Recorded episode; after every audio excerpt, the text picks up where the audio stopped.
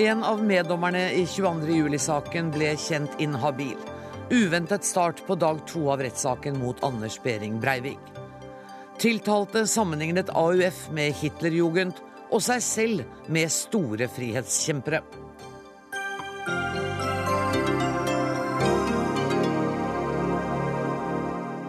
I Dagsnytt 18 i kveld gir vi deg referatene, analysene og kommentarene i denne sendinga, som også i sin helhet er viet saken mot Anders Behring Breivik. Og vi begynner med den skrevne forklaringen som Anders Behring Breivik fikk framføre i en drøy time i rettssal 250 i eh, Oslo tinghus i dag. Og reporter for Dagsnytt her i NRK, Ellen Omland, du har dekket det som skjedde. Hva var det viktigste han kom med der?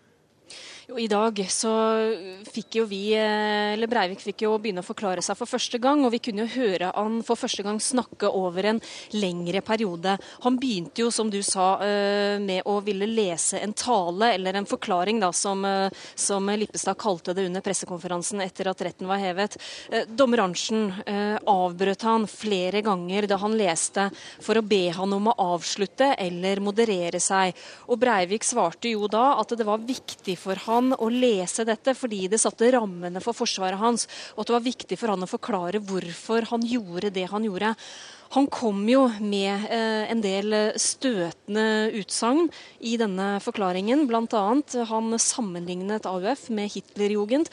Eh, han sa at eh, angrepene var preventive, og at han eh, ville bli frikjent, eller krevde å bli frikjent det var jo mye om de politiske motivene hans, om hvordan eh, altså det kan bli en borgerkrig hvis, hvis etniske nordmenn eh, om få år blir en minoritet. Og at, eh, så snakket han jo videre også om at han kjempet for å forhindre dette.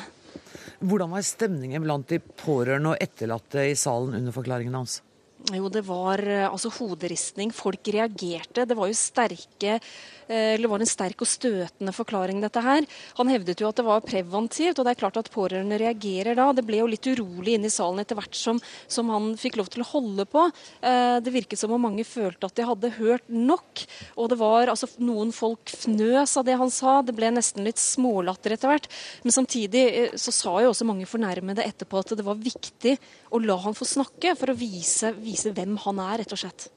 Utover dagen så startet aktor Inga Beireng sin utspørring av Breivik. Hva var det hun fokuserte på i dag?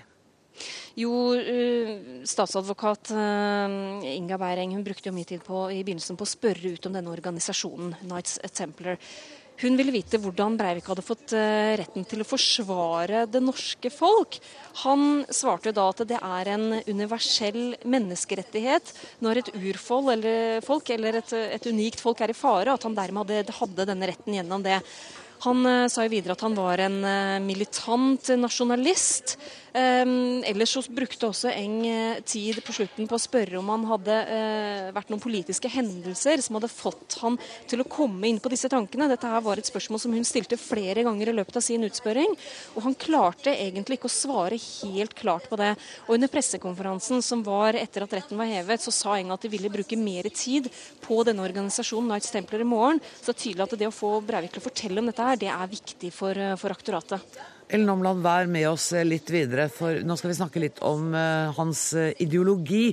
Før han startet opplesningen i dag, så sa han at han hadde dempet retorikken av hensynet til de fornærmede og de pårørende. Og Anders Romarheim, forsker ved Institutt for forsvarsstudier, gjorde han det? Ja, det vil jeg si. Eh, og med det så vil jeg også si det er helt rimelig at eh, mange fant det han sa var støtende. Men hvis man går inn og leser i de tekstene som fins, eh, spesielt da det kompendiet han har produsert, så finner du ting som er veldig mye drøyere enn det han sa.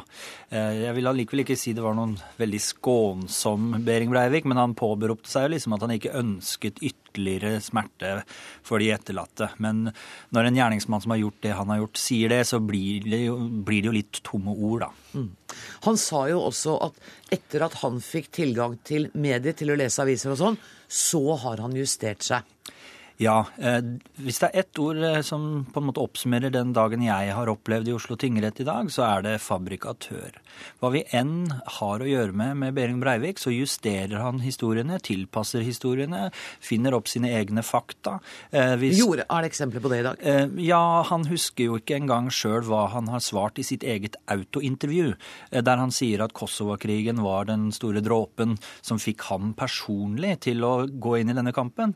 Og det har han da liksom glemt. Så når du ikke man, man, ser gang etter gang den typen ting, og de pengene han har klart å tjene, er jo på å fabrikkere diplomer som er fiktive, osv. Og, ehm, og vi merket også på slutten av dagen at aktoratet bygget opp en sak i forhold til eh, voldsepisoder som man mener har inntruffet i Oslo, der andre mennesker som har vært til stede, ikke husker disse. Sånn at eh, man får eh, virkelig følelsen av at han hele tida tror han sitter på sannheten om seg selv og denne organisasjonen. Og hvis den bare inneholder han, så kan han selvfølgelig til enhver tid definere hva denne organisasjonen mener. Mm. Anders Djupskås, du er stipendiat ved Institutt for statsvitenskap ved Universitetet i Oslo. Breivik hevdet også at menneskerettighetene, de europeiske menneskerettigheter, åpner for at etniske nordmenn som er truet av det han kaller dekonstruksjon, har rett til å forsvare seg militært. Hvilken ideologi er dette?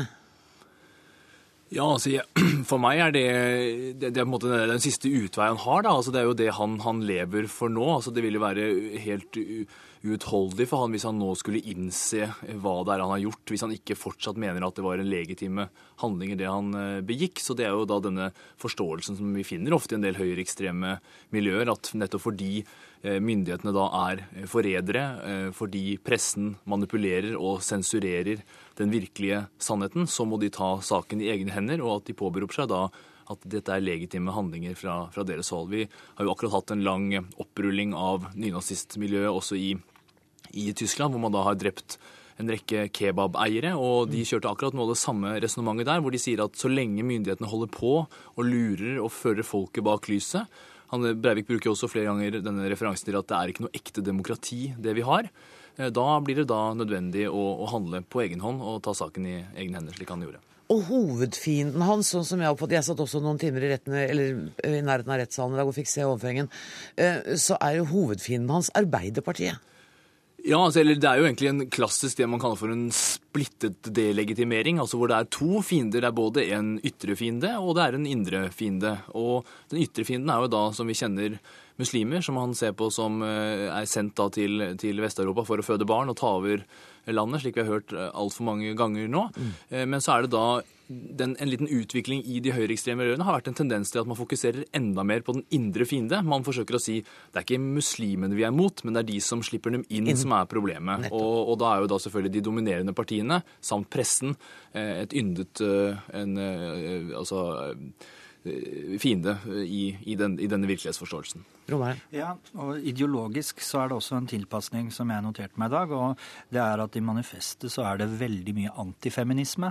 Det var tont mye mer ned i retten i dag. Eh, det var en, et lite spark om at kanskje kvinner burde være mer hjemme, men i manifestet så slår han jo fast at eh, det største sviket som europeiske kvinner har begått, er å ikke føde nok barn til å, så vi har krigere til å forsvare oss.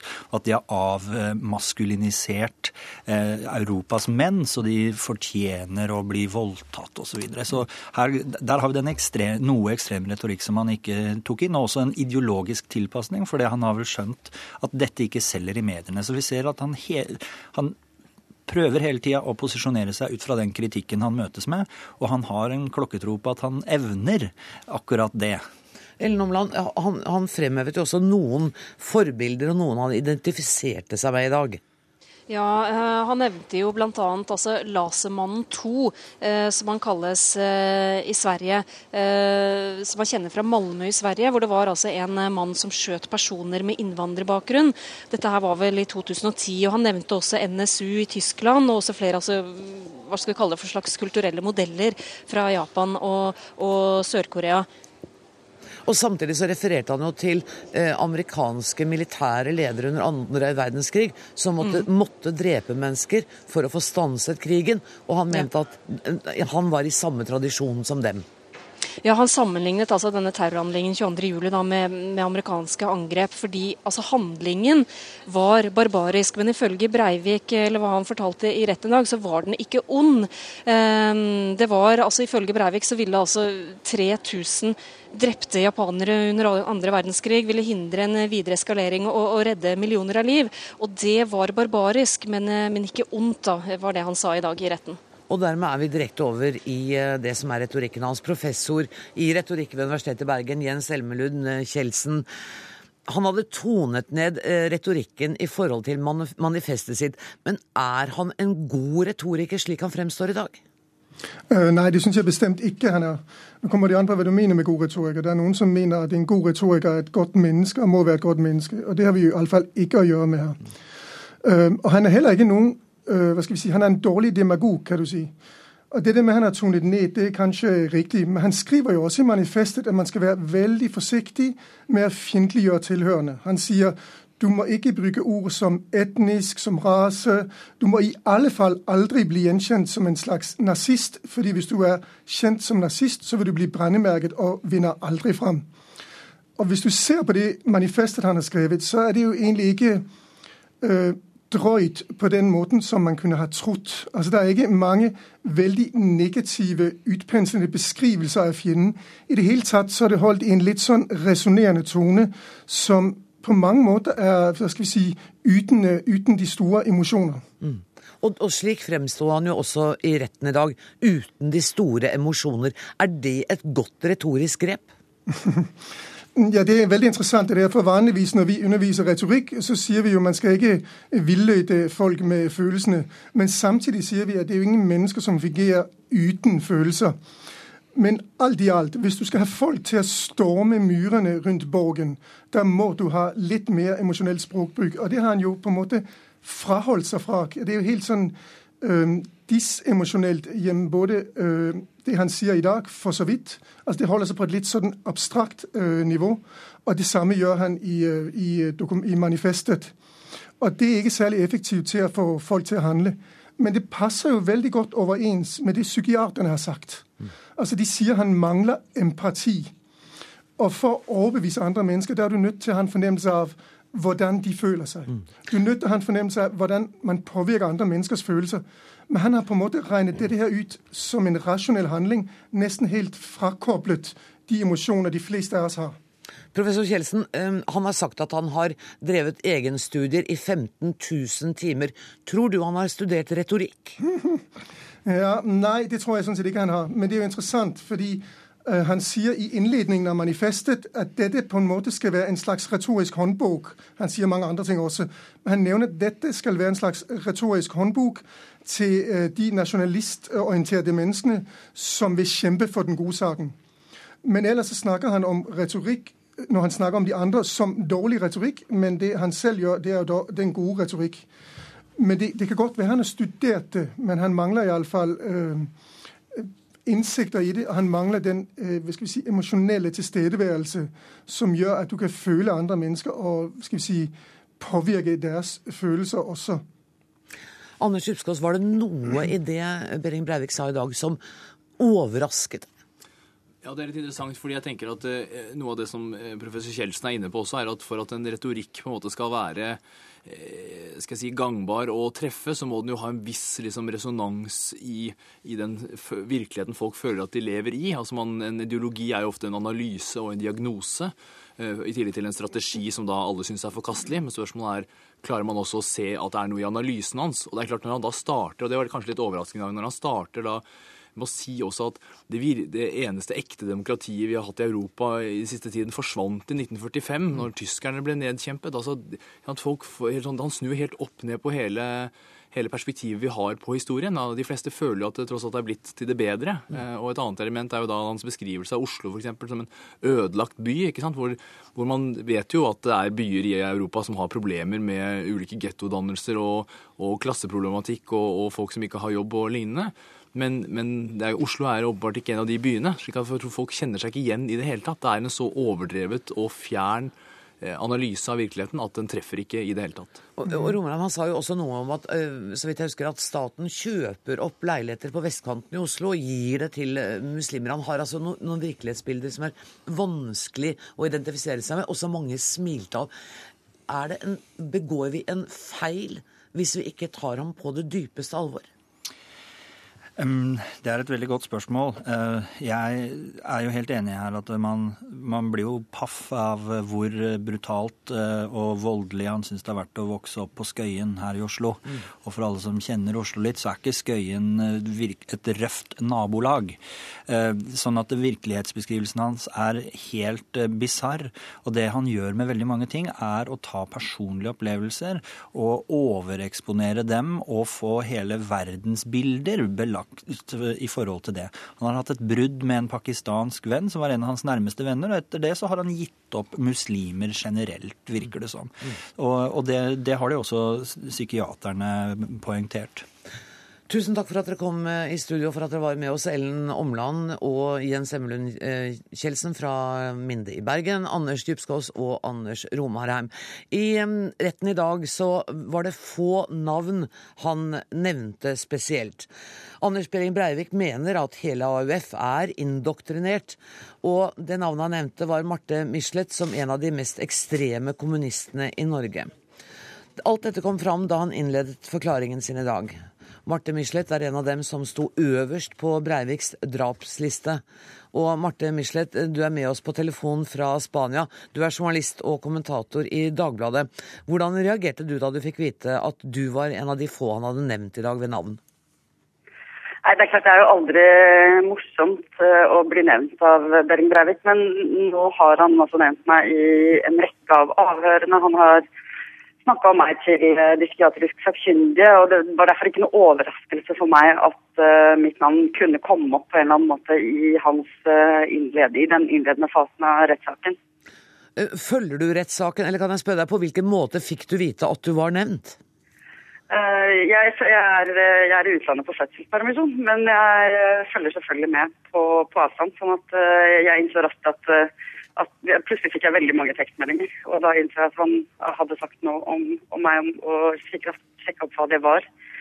Det som er interessant med måten han omtaler meg på i dag, er jo at det skiller seg litt fra hvordan han har gjort det før. Før har han vektlagt min meningsproduksjon, min, si, min, min politiske rolle. Altså at jeg har skrevet i Dagbladet om islamofobi og om Uh, kontradiadismen og om hans ideologiske krets, kan du si. Det, I dag så vektlegger han jo meg som eh, livmorsforræder. Altså at jeg har, jeg har ligget med fienden. Eh, han sier nokså forvirra at jeg har skaffa meg et berber-arabisk avkom med den muslimske mannen min. Ja. Alt er jo feil. Men uh, i, i, tråd med uh, alt det andre som er veldig vrangt og vendt i all verdensbildet, så er det følelse av fakta for der òg. Men, men, men, ikke sant, han, han er i krig. Uh, og i krig så er det viktig å kjempe om kvinnene. Og jeg har forrådt nasjonen fordi jeg har fått barn med en som ikke er uh, raseren. Og Det er en tilleggsdimensjon ved mitt forræderi som han ikke har vektlagt uh, før. da. Mm. Og han nevnte jo også opphavet ditt, altså faren din, så det var på det mer personlige planet i dag. Klarer du å la være å bli veldig urolig av dette? Ja, det gjør jeg. Fordi uh, han sitter bak lås og slå, og uh, han kommer ikke til å kunne uh, få gjennomført de mordfantasiene han har hatt rundt meg og, og datteren min, og, og, og, også mannen min, som overlevde Utøya. Så sånn sett er jeg ikke noe redd for Anders Behring Breivik, men det er klart at jeg har jo innsett at mye av det hatet som er retta mot meg i kommentarfelter på nettet og i Eh, i de muslimhatende avkrokene eh, er farligere enn det jeg kanskje har trodd før. Det har jeg, det har jeg innsett i og med, i og med Behring Breivik. Men, men, det er ikke sånn at jeg går rundt og, og er redd. Det er godt å høre. Tusen takk for at du var med i Dagsnytt 18 på telefon fra Spania, Marte Michelet. Abid Raja, jurist og venstrepolitiker. Du er også en av de få som ble nevnt med navns nevnelse av Anders Behring Breivik i dag. Og jeg siterer fra TV 2s live-oppdatering på nettsidene deres. Abid Raja og andre frafalne prøver å kidnappe islam for å bruke religionen til sine egne formål. Jeg er ikke helt sikker på at jeg skjønner hva det betyr, men det gjør kanskje du? Nei, altså, Det meste av det han uh, sa om dette, var litt vanskelig å skjønne. og Jeg har lest den resten av dette som han har, det konspiratoriske som han har kommet med. Mye av dette er jo kjent fra før. Altså dette at muslimer har en uh, hemmelig prosjekt. Vi skal føde mange barn, og så skal vi på et eller annet tidspunkt bli så mange, og så skal vi ta over og begynne å drepe de vantro. Uh, og, og, det er den redselen som da enkelte har. Og den redselen er han ikke alene om å ha. eller disse, disse mytene og fordommene er han ikke alene om å ha. Det er mange som har det. Og det som Marte Michelet her sier, hun, hun, har jo vært utsatt for dette fra mange andre felt også. Og det er liksom viktig. Jeg syns at mine medborgere, landsmenn som hører på, bør få med seg at sånne meninger finnes blant oss. Og vi har faktisk et lite prosjekt, enhver av oss, å gå i møte med disse meningene. Vi kan ikke gjøre noe med Breivik nå, han har nå overlatt til rettsapparatet, men vi kan gjøre noe med de meningsfellene som bor og ånder blant oss, som har disse oppfatningene om at uh, Marte kan drepes og skytes og sånn, og at muslimer skal skytes og drepes, og at vi er, vi er rett og slett et sånn muldvarphjem som, som, som, leker spioner, og altså er egentlig fordekte spioner, og skal på et eller annet tidspunkt ta over og drepe dere. Det er helt feil, og det er forvrengt. Han er jo ekstremt uh, ytterliggående. Han sier jo bl.a. at uh, du har fått fjernet 600 vers fra Koranen. Um, det ville jo vært imponerende hvis du hadde klart det. Men, men, er det da sånn at selv de, det som mange av, de aller fleste av oss oppfatter som absurde påstander, bør vi ta på alvor og diskutere? Jeg spurte det forrige panel om det samme. Ja, altså Når det gjelder eh, selve Breivik, så tenker jeg for de aller fleste av oss så vil han ikke eh, Altså hans politiske meninger kommer ikke til å ha noe betydning for oss når denne rettssaken er ferdig, og vi skal klare å bli ferdig med han. Så når domstolen er ferdig, så må vi kunne fortsette livene våre. Men disse meningene hans, de er, blir ikke borte for det. De finnes veldig, det finnes der ute. Det er mange som har gitt han faktisk sin støtte og det, det, er noe som er mest skremmende, at folk kan være med på å støtte noe av så groteske handlinger som han har begått. Og enda farligere er disse meningene som vokser på begge fronter. Jeg skal ikke legge lokk over, for jeg har vært, alltid vært fremme som eh, prøvd å ta den brobyggende rollen og hele tiden fortalt at det finnes ekstremistiske muslimske oppfatninger der ute. At det finnes ekstremistiske muslimer. Men det finnes altså også ekstremistiske hvite mennesker. Ekstremismen finnes i alle leir. Og akkurat som da det er moderate muslimer, sånn som meg, moderate liberale muslimers oppgave å kontre da ekstremistiske muslimer, fordi vi, vi møter de kanskje litt oftere, eller ser de på en måte, vi ser fanden litt oftere. da. Sånn tror jeg også at eh, mange etniske nordmenn bør være sitt ansvar bevisst. Hvis vi møter de ekstremistiske oppfatningene, så er litt av vår oppgave å kontre de meningene. Hvis vi jatter med og vender andre kinnet til, så vil dette kunne eh, Jeg tror altså hatet gror hvis det ikke blir møtt med forståelse, altså med forklaring, med dialog, med debatt. Jeg tror vi kan gjøre veldig mye med det hatet, men da må vi ikke vike unna når vi ser det. Tusen takk for at du var med i Dagsnytt 18, Abid Raja. Som de fleste vel har fått med seg, så skrev meddommer Thomas Indrebø på Facebook i fjor at Anders Behring Breivik burde få dødsstraff. I dag ble han kjent inhabil og fjernet fra rettssaken.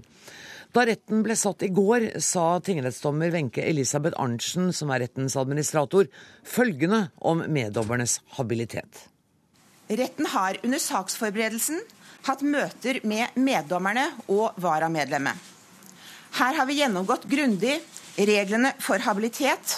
Det er også oversendt en redegjørelse til sakens parter om de forhold som kunne foranledige slike inhabilitetsinnsigelser. Selv om det tidligere ikke har vært reist habilitetsinnsigelser, så spør jeg for ordens skyld om det nå fremsettes slike. Nei. Det var altså i går. I løpet av de siste døgnene er det kommet opplysninger om at eh, meddommer Thomas Indrebø 23.07. i fjor skrev på Facebook at Breivik burde idømmes dødsstraff. Og dermed innledet dag to i retten på denne måten. Meddommer Indrebø har på internett gitt uttrykk for at tiltalte bør straffes med døden. Indrebøs reaksjoner kommer lenge før han blir trukket ut som meddommer. Hans uttalelser er imidlertid egnet til å svekke tilliten til om han vil vurdere skyldspørsmål og eventuell straffutmåling uhildet. at aktor, forsvarer og koordinerende bistandsadvokater krever at han viker sete, er tillagt vekt i rettens vurdering. Retten har etter dette enstemmig kommet til at meddommer Indrebø er inhabil. Slutning Thomas Indrebø viker sete. Vara-meddommer Wisløff rykker som følge av dette opp som meddommer i saken. Tor Bakk, du er redaksjonssekretær i nettstedet Vepsen. Dere var det første nettstedet som slo opp saken om Indrebøs utspill. Hvordan oppdaget dere det? Vi fikk et tips om innhold han skulle ha publisert på Facebook. Og det, det, vi gjorde, var simpelthen å undersøke det. Var det vanskelig? Det var ikke vanskelig. Når vi først fant fram til det navnet han brukte på Facebook-profilen, så var det bare å google det. Og det vi fant da, var et innlegg på VG hvor han hadde logga på med sin Facebook-konto og skrevet dette. Hvorfor var det viktig å gå videre med denne opplysningen? Fordi at det er viktig å vise at rettsstaten er overlegen. Fordi i nettopp en sånn sak hvor en person angriper hele kjernen i demokratiet vårt, så er det viktig å vise at demokratiet fungerer. At han også har krav på en rettferdig rettssak uten forutinntatte dommere. Kan jeg trekke av det du sier, at du mener det var riktig av retten å kjenne ham inhabil? Ja. Geir Engebrektsen, du er sorenskriver i Oslo tingrett og er med oss fra tinghuset. Burde retten ha stilt spørsmål ved Indrebøs habilitet tidligere?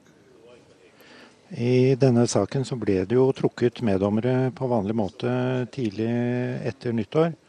Og eh, normalt eh, så er det jo slik at eh, habilitetsspørsmålet kommer opp veldig nært opp til starten på hovedforhandlingen. Pga. denne sakens veldig spesielle karakter så hadde fagdommerne her grundige samtaler med alle de som ble trukket ut som meddommere.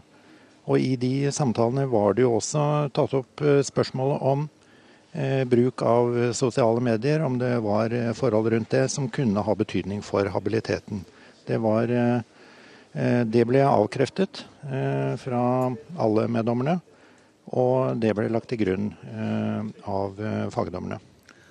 Er det slik å forstå at vanlig praksis er at man spør Eh, de som er utpekt som meddommere, om deres habilitet, og så tar man det de svarer for god fisk? Det er jo også en åpenhet i dette, slik at eh, konkret i denne saken er jo navnene på eh, alle meddommerne og også eh, kortversjon av, av, det som kom fram i samtaler, ble gjort kjent for sakens aktører. Og det har ikke kommet fram informasjon som tyder på at det forelå habilitetsproblemer før nå. Det har ikke vært noen innsigelser mot denne meddommeren før i dag. Mener du at... Det, det, det, er jo også en åpenhet rundt dette, men det er klart at bruk av eh, sosiale medier stiller jo domstolene også overfor nye utfordringer. I utgangspunktet er jo dette et tillitsbasert eh, system, hvor vi er avhengig av at meddommerne gir informasjon. Eh, men det er jo naturlig å forsøke også å lære noe av denne denne hendelsen. Slik at vi vil jo ta opp til vurdering om vi skal legge om rutinene. I, i hvert fall i, i, forhold til de mest omfattende sakene. Så helt nye er vel ikke de utfordringene som sosiale medier byr på? Det, det begynner jo å bli en sju-åtte år siden Facebook kom, og, men vi har hatt disse nettstedene lenge nå. Har dere vært for seine med å innse betydningen av de sosiale mediene? Jeg tenker at uh, i denne saken er det gjort et uh, grundig arbeid. Her er det uh, ikke kommet fram informasjon. Det er begrenset hvilken mulighet en domstol har for å drive undersøkende arbeid. Men nettopp åpenheten hvor alle aktørene, både aktør, forsvarer, bistandsadvokater, gjøres kjent med dette på forhånd, det åpner jo for større grad av innsyn og større grad av mulighet for å oppdage habilitetsproblemer.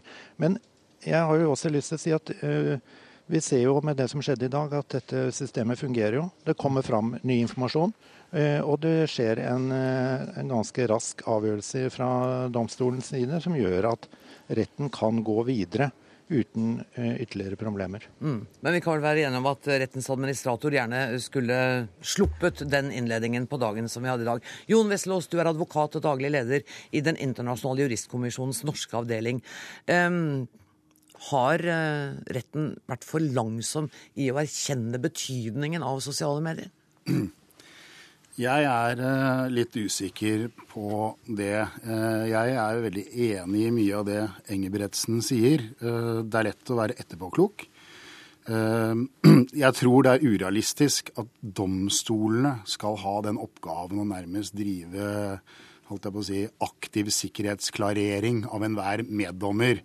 Så kan man kanskje si denne saken, hvor man vet at veldig, veldig, veldig mange mennesker har ment veldig mye, kanskje kunne tenkt annerledes. Eh, men det som er essensielt, og som Engebretsen er inne på, det er jo åpenhet og offentlighet. Eh, her har vi i dette tilfellet åpenhet om hvem som er dommere i saken, altså hvilke aktører som er i saken.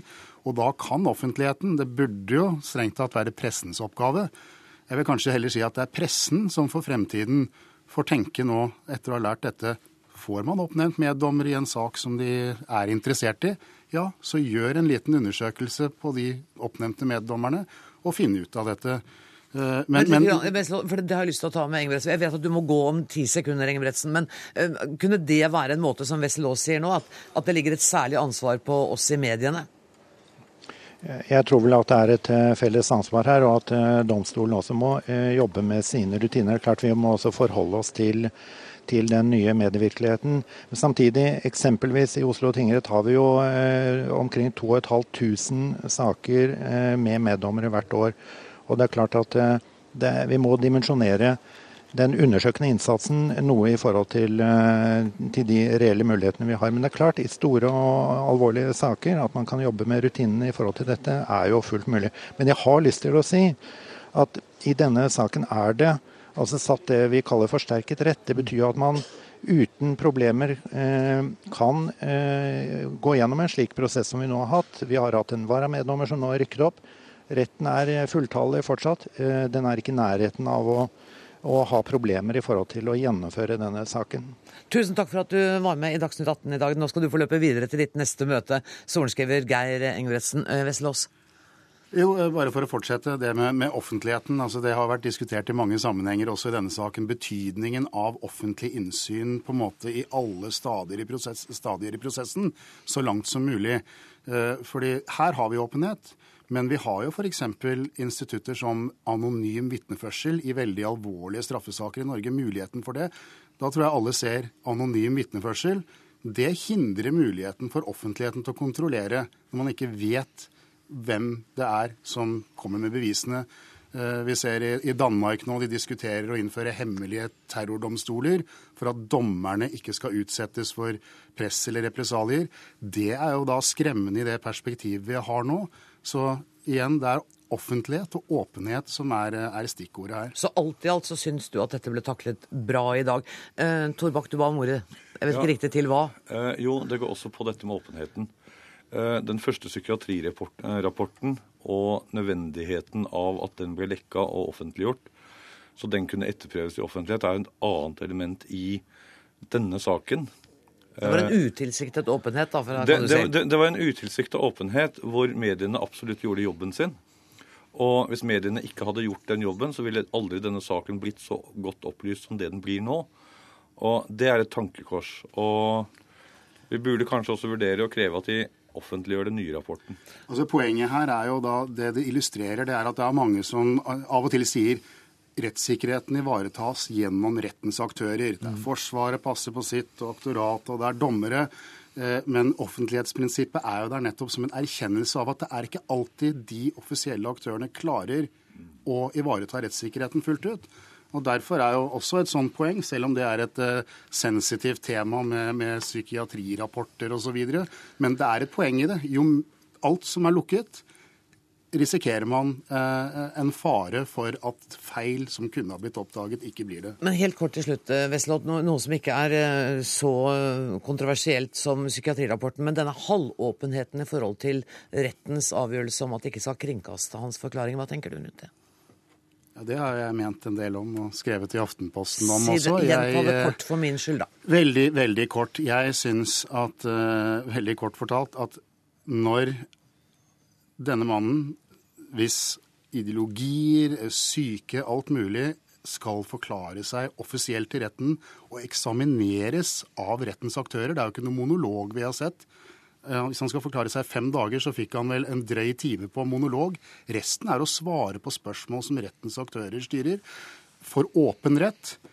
Men de som da ikke har anledning til å sitte der og høre på, eh, blir altså henvist til å lese og høre disse endeløse tolkningene og analysene fra journalister og andre. Eh, det syns jeg er eh, Det er altså manglende åpenhet. Jeg tror eh, vi hadde tålt det, og jeg tror det hadde vært riktig. Ikke minst fordi tilregnelighetsspørsmålet bl.a. skal avgjøres på grunnlag også av hans opptreden i retten. Takk for at dere kom, Tor Bakk fra nettstedet Vepsen og advokat Jon Wessel Aas. Selvbevisst terrorist. Fullrigget narsissist. Slik lyder to av kommentatorenes karakteristikk av Anders Behring Breivik i avisene i dag. Så spørs det om dette bildet er svekket eller styrket etter dag to i retten. Kommentator i Dagsavisen Hege Ulstein, det er du som kaller ham en fullrigget narsissist. Hvordan stemte hans opptreden i retten i dag med den beskrivelsen? Ja, Nå sa han jo selv eh, flere ganger at han eh, ikke var det, og at dette ikke handler om han. Men uh, utover uh, at han uh, åpenbart ønsket å få fram det budskapet, så mener jeg at veldig mye av det han sa i retten i dag og gjorde, bekrefter at vi har med en veldig selvopptatt person å gjøre. Du har også sagt at han er opptatt av å iscenesette seg selv. Så du eksempler på det i dag? Ja, det sa han jo også selv. Han sa at han var ute etter å selge et budskap og en ideologi.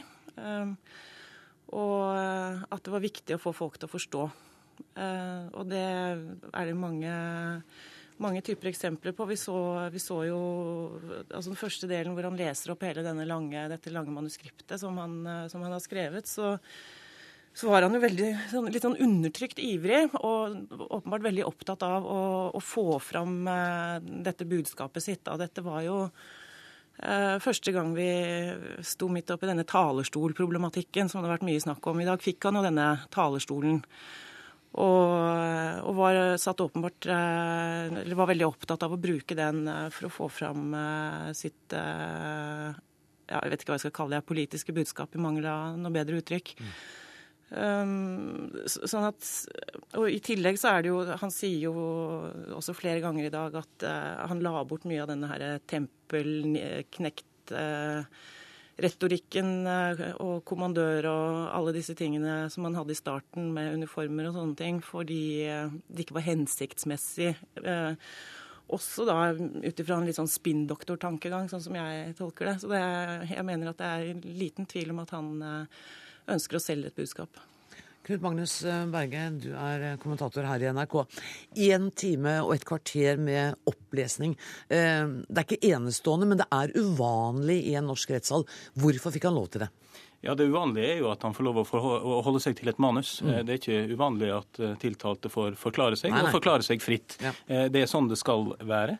Jeg mener det var riktig, akkurat hva som var rettens beveggrunner for å tillate det. Jeg antar at det var fordi at en ønsket å la han få hva skal kalle det, tømme seg eh, for eh, mye av dette tankegodset, eh, slik at en står friere til å eksaminere han da i ettermiddag og i dagene som, som kommer. Jeg mener at det ikke var farlig, det som vi hørte i dag. Det var et konsentrat av eh, det som man sjøl kaller kompendiet, som mange kaller manifestet. Eh, og slik sett var det ingenting eh, nytt. Det betyr ikke at det er en veldig belastning å sitte og høre på det. Rett nok sier han sjøl at han har tona seg ned, men det er jo veldig kraftig kost, det som kommer. For det må jo selvsagt sees i sammenheng med de handlingene han har utført. Og da er det veldig sterkt å sitte i retten og høre at han legger skylda eh, på, eh, på, sine egne ofre. Eh, og hevder at barn og ungdom på Utøya på en eller annen måte hadde gjort seg fortjent til det som skjedde. De var indoktrinerte. Riktignok var de unge, sa men de var, alle var indoktrinerte. Og han ser jo på seg selv. Han sa at uh, han var ikke bekymret for å havne i fengsel. Fordi at det ville være en ære å representere noen av de første som tok på alvor denne krigen vi står oppe i.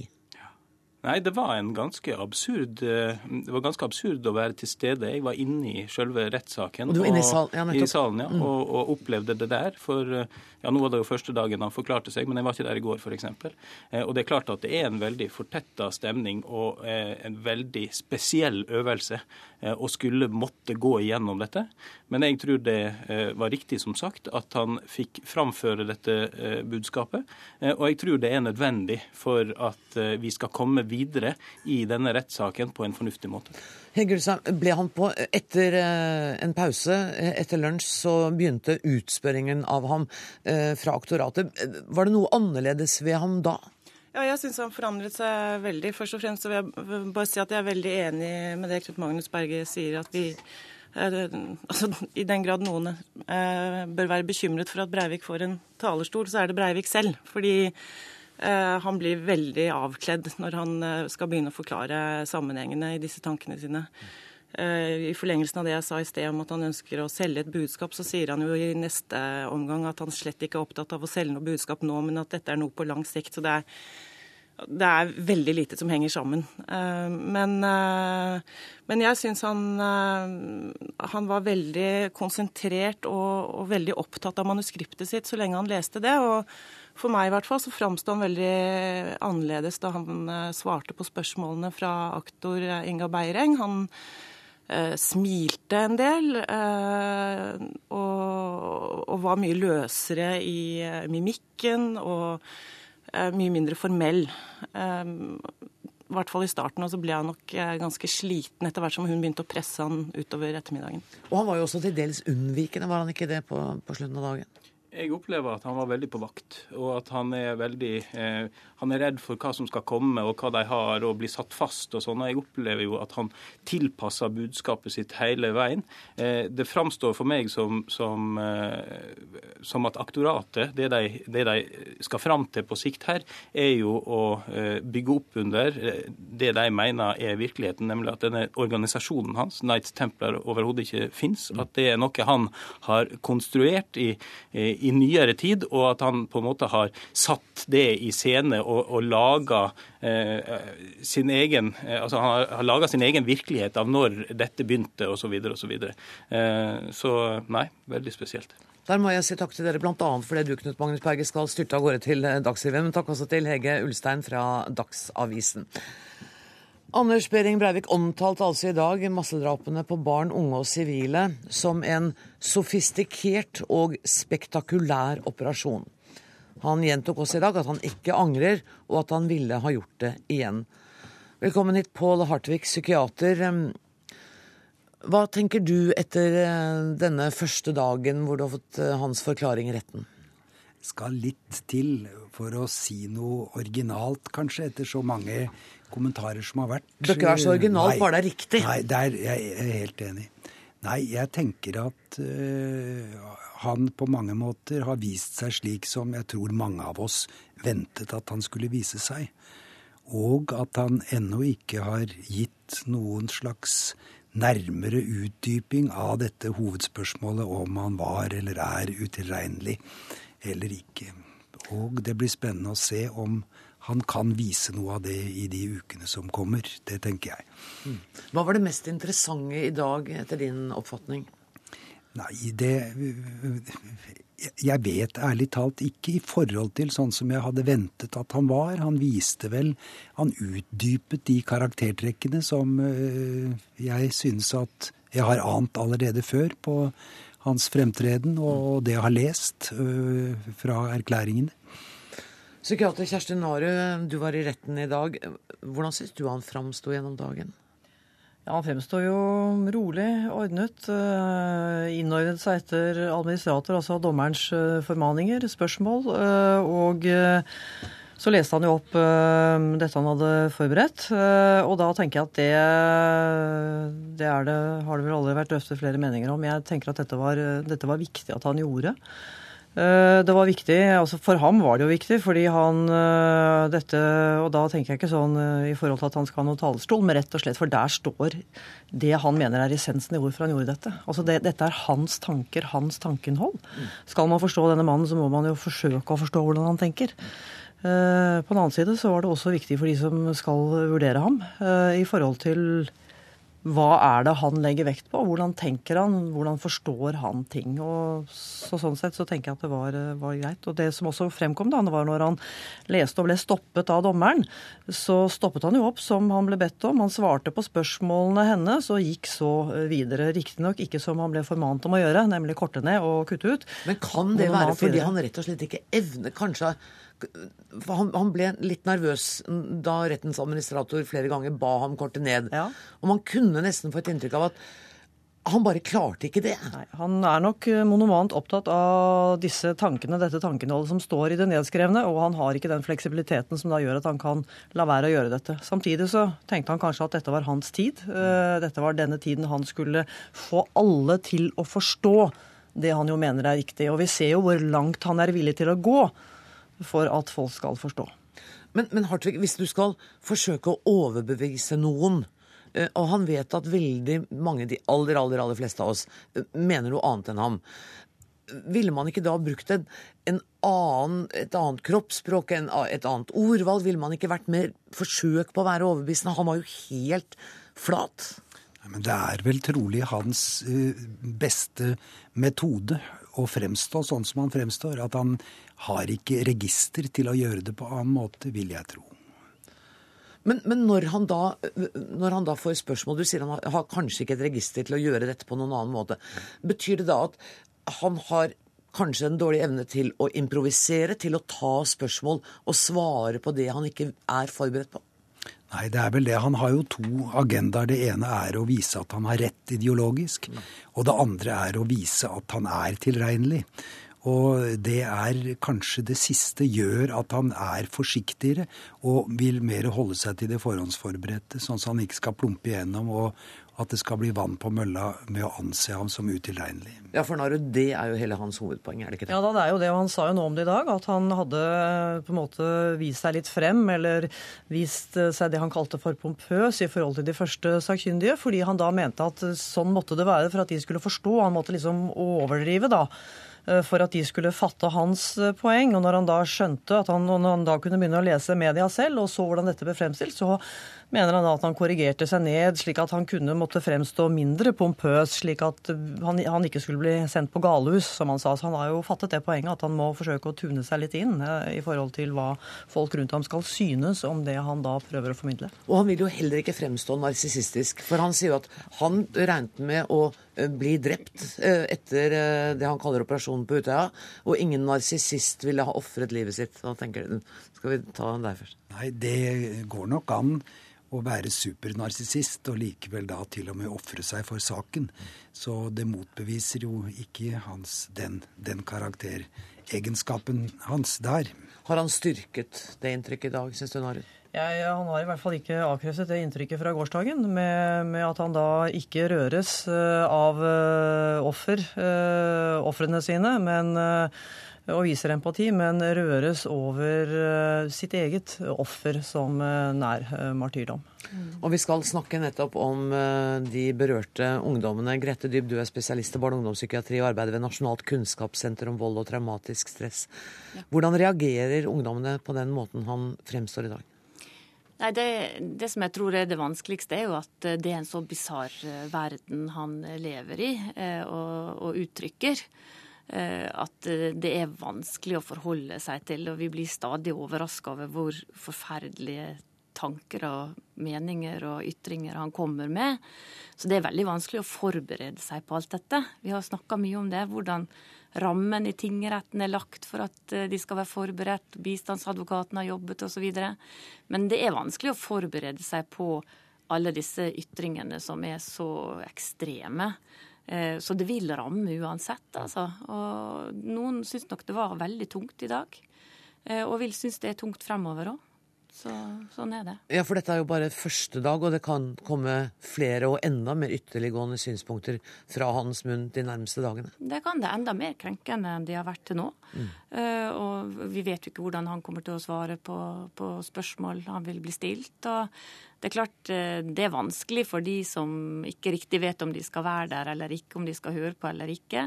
Så jeg tenker at det er veldig viktig nå å tenke litt sånn mentalhygiene.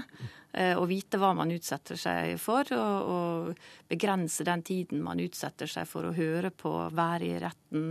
Er det råd du gir dem? Ja, absolutt. Og tenke seg i dag så skal jeg begrense dette her til å høre på Gå på nettet en time, ferdig med det. Ikke sette på radio når som helst. Skru Kollegene dine nikker rundt bordet her, både Hartvig og Narud. nikker. Ja, jeg tror det er viktig, fordi det er klart at det er samme hva du skrur på nå, enten det er på nett eller TV eller radio, så vil det bli nevnt. Men hvis vi nå beveger oss til eh, den gruppen som kanskje ikke er direkte berørt, men altså barn og unge mennesker som allikevel er opptatt av det, og som blir skremt, hvordan skal, hvordan skal vi foreldre forholde oss til la oss si litt yngre barn, da? Ja, og Der tror jeg det er veldig veldig viktig å minne oss på at vi må ha en høy lytteberedskap. Og med det mener jeg at eh, du må lytte til hvor ungene er. Er de interessert overhodet? Eh, så lytt til hva de er interessert i. Hva er det de lurer på? Og spesielt, er det, er det, noen ting som gjør at de føler seg utrygge? Er det noen ting som er blitt sagt på radio eller TV eller skrevet i avisen som gjør at de tenker at de ikke er særlig trygge lenger? At de kanskje er like utrygge som vi alle følte oss 22.07. Eh, og det må vi prøve å forhindre, altså. For det er veldig mange ting her som er vanskelig å forstå for oss, veldig vanskelig å forstå for barn. Veldig mange begreper som svirrer rundt eh, som eh, vi egentlig ikke greier helt å forholde oss til som voksne. Da greier ikke en syvåring heller å forstå det.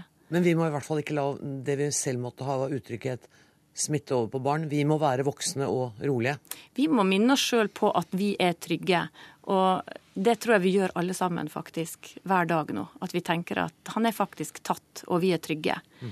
Men da må vi også tenke på at eh, barn trenger ekstra påminning på det. Jeg tenker at det er litt den rollen dere har i forhold til hele befolkningen, ikke bare barn, når dere sitter som eksperter og kommenterer dette her. Du nikker, Hartvig? Ja, det er klart det. Det er jo forebyggelsesarbeid på høyeste plan som vi kan gjøre alle sammen, enten man er fagperson eller fornuftig legperson. Og dere kommer til å fortsette å kommentere, ikke sant Maru? Ja da, jeg øh, gjør jo det, og sammen med flere andre. Og jeg tenker jo litt det er litt sånn folkeopplysning også, det må man drive. Og derfor så er det godt at vi nå kanskje debatterer det vi egentlig skal debattere, nemlig det vi ser og kan forholde oss til, og ikke eventualiteter vi ikke vet noe om. Mm. Og enda er vi altså bare helt i begynnelsen av en rettssak som kommer til å vare i hvert fall i ti uker. Tusen takk for at dere kom i studio, psykiatere Pål Hartvig, Grete Dyb og Kjersti Narud. I retten i dag så snakket tiltalte altså om AUF-ungdommene, og karakteriserte denne gruppen unge mennesker som Hitlerjugend. Stine Renate Håheim og Torunn Husvik, velkommen hit.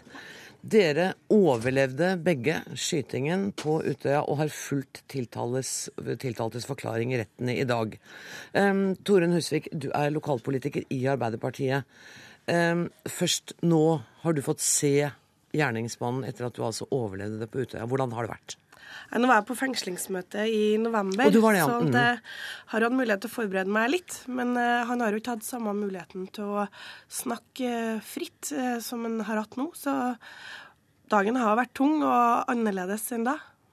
Hva syns du var verst? Altså, Det er mye fokus på hva som er verst. Jeg syns egentlig det som var best, okay. var å se at uh, han uh, er i fangenskap.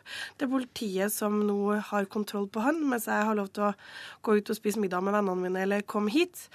Uh, så det er egentlig en slags trygghetsfølelse som kommer sakte, men sikkert tilbake når jeg ser Brevik i den rettssalen. Du har tidligere en gang sagt at før rettssaken startet, at du var redd for at når han kom, så skulle det bli litt preg av et show. Hvordan syns du det har gått? Nei, Jeg syns rettssaken er verdig. Jeg syns uh, man takler det godt. Jeg syns aktoratet, forsvarerne og dommerne gjør en veldig god jobb. Men uh, det er ikke å stikke under en stol at det er jo utfordrende å komme seg inn i den salen. Det er veldig mye presse. Og det Eh, setter jo sitt preg på dagen, det òg. Og så er vi jo spent på hva de ekstra vitnene skal tilføre saken. Men alt i alt en veldig verdig ramme for uh, rettssaken. Men, men, sier du, nå kan jeg tolke deg til at, at det å få henvendelser fra pressen, er det du syns er tyngst disse dagene her? Det er forskjell på presse og presse, kan man mm. si. Det er dem som oppfører seg veldig bra og veldig respektfullt. Og så har du dem som oppfører seg litt annerledes. Jeg er glad for at jeg har god advokat og godt nettverk rundt meg og er voksen nok til å si nei. Og så er det mange andre som føler seg litt pressa og drevet litt fra skanse til skanse på veien. Og det Ja. Men det er godt at mange har respekt. Mm. Og det er vel kanskje nettopp da dere skal være støtte for hverandre og hjelpe hverandre til å ta avgjørelser. Stine Renate og HM, syns du det har vært vanskelig å bestemme deg for når du skal la deg intervjue og ikke? Nei, eh, etter hvert så blir man ganske god på det. Når man har eh, stått i de siste ni månedene, mm. eh, så blir man, tror jeg man blir flinkere til å si nei. Eh, så handler det litt om at jeg tror folk der ute har et behov for å forstå. både det som skjer der inne, men ikke minst forstå hva som skjedde den dagen. Eh, så jeg har også stilt opp på ting også hvis jeg kan bidra til at flere forstår det som skjedde den dagen. For jeg mener det er viktig, og særlig nå eh, når gjerningsmannen sitter og forklarer seg, så mener jeg det er viktig at vi ikke glemmer hva dette handler om. Eh, og hvor mange kamerater vi mista den dagen. Det syns jeg også er viktig å holde fokus på. Hvordan var reaksjonene i rettssalen i dag da han ja, for det første karakteriserte AUF-ungdommer som noe som lignet Hitlerjugend, at han mente at dere var indoktrinert, hjernevasket. Hvordan var reaksjonene? Jeg tror det er, eh, det er blanda reaksjoner på det. Og jeg tror eh, for min egen del så blir man litt sånn sjokkert. Så man veit ikke helt om man på en måte skal, skal le eller gråte av det. Eh, så det blir en sånn sjokkfølelse. Men jeg opplever, for min egen del så har det vært en trygghet å være der fordi at det er så ordna forhold så er det beroligende å se at uh, til tross for at demokratiet vårt ble så hardt angrepet 22.07, så er det nå en rettsstat uh, som fungerer. Uh, vi har de samme rammene som i andre straffesaker. Og det har i hvert fall for min del vært beroligende å se, altså. Torunn, kommer du til å fortsette å følge rettssaken fra i tinghuset? Nå tenker jeg å følge Brevik sitt avhør, men så tror jeg at det er viktig at eh, ingen av oss eh, følger med ti uker i strekk i den rettssalen. Det tror jeg kanskje ikke er sunt for noen, ei heller for journalistene, for den saks skyld. Men eh, jeg tror man skal ha noen mål om hva man skal gjøre uten utafor rettssalen også. At du ikke skal sitte der hele tida. Så selv om jeg har et stort informasjonsbehov, så har jeg også et behov for å være sammen med venner. For å dra på konserter, for å komme meg på jobb. Se at jobben min eh, fungerer, og at det også er noe jeg kan mestre. Så jeg håper at folk gjør lekser, går på skolen, er russ, eh, er ute i vår lufta, og ikke bare følger rettssaken. Vi trenger mange svar, men vi trenger også å lære oss å leve videre. og du sier nesten det samme som psykiaterne som var her inne før deg. Altså at ikke bruke hele døgnet på dette, det er ikke bra for noen. Men liksom bestemme seg for at nå skal, noen timer så skal man ikke være i nærheten av hans tankeverden i det hele tatt. Det handler også om at vi er politikere. Vi får veldig mye spørsmål om hva vi føler. Mm. Og vi er vant til å snakke om hva vi mener. Mm. Og det å sitte og høre på hans ideologiske tankegods inspirerer jo også til å gå ut og gjøre det vi gjorde før, nemlig å jobbe med de politiske standpunktene han ikke har sans for, som han var villig til å gå langt for å få stoppa. Det å drive politikken videre, det å drive hjertesakene til våre falne kamerater videre, er en inspirasjon i de her ti ukene også. Da skal jeg også spørre deg, Stine Renate, hva, hva, du mener. Hva mener du f.eks. om at han får den tiden han får til å snakke i retten? Eh, mye av det er vondt å høre på. Eh, mye av det er ubehagelig å høre på, men jeg mener det er helt nødvendig. Eh, jeg mener vi skal prøve å forstå så mye som mulig. Jeg tror det er noen ting ved denne, ved denne, mannen vi ikke kanskje kommer til å forstå. Men jeg mener det er viktig å forstå det. Jeg mener det er viktig at han blir konfrontert på hans ideologiske tankegods. Det er viktig at han blir konfrontert med handlingene. Så skal rettssaken nå ta et oppgjør med det han har gjort. Og så, når rettssaken er over, så er det kjempeviktig at vi som samfunn tar et oppgjør med det ideologiske tankegodset som dessverre han deler med veldig mange flere der ute. Hvor viktig er denne rettssaken eh, som en del av sorgbearbeidelsen? Det å få lagt tilbake Eller ikke lagt det gjør man jo ikke, men, men det å, å klare å gå videre i livet sitt? Det er, det er viktig. Eh, det er viktig. For, for, min del så har dette liksom vært Jeg vet at dette er en av de de milepælene man må over. Eh, og det er betryggende at det er i gang. Det er betryggende at man vet at det er en ende på det. Det er betryggende å vite at det kommer lysere tider, hvor man kanskje kan få litt mer eh, ro til å bearbeide ting, og ikke minst for de etterlatte til å sørge i fred, uten at dette er fokus på forsiden av avisene hver eneste dag. Torun. For meg også har det vært en viktig milepæl. Men det som også er viktig for meg, er å, å se at uh, rettsstaten vår fungerer. Det er en milepæl for oss som samfunn. Vi har forskjellige sorgmønster alle sammen, men vi har også et slags sorgmønster som uh, samfunn. Vi sørga veldig kollektivt første ukene og dagene etter 22.07. Dette er vårt uh, formelle oppgjør med gjerningsmannen.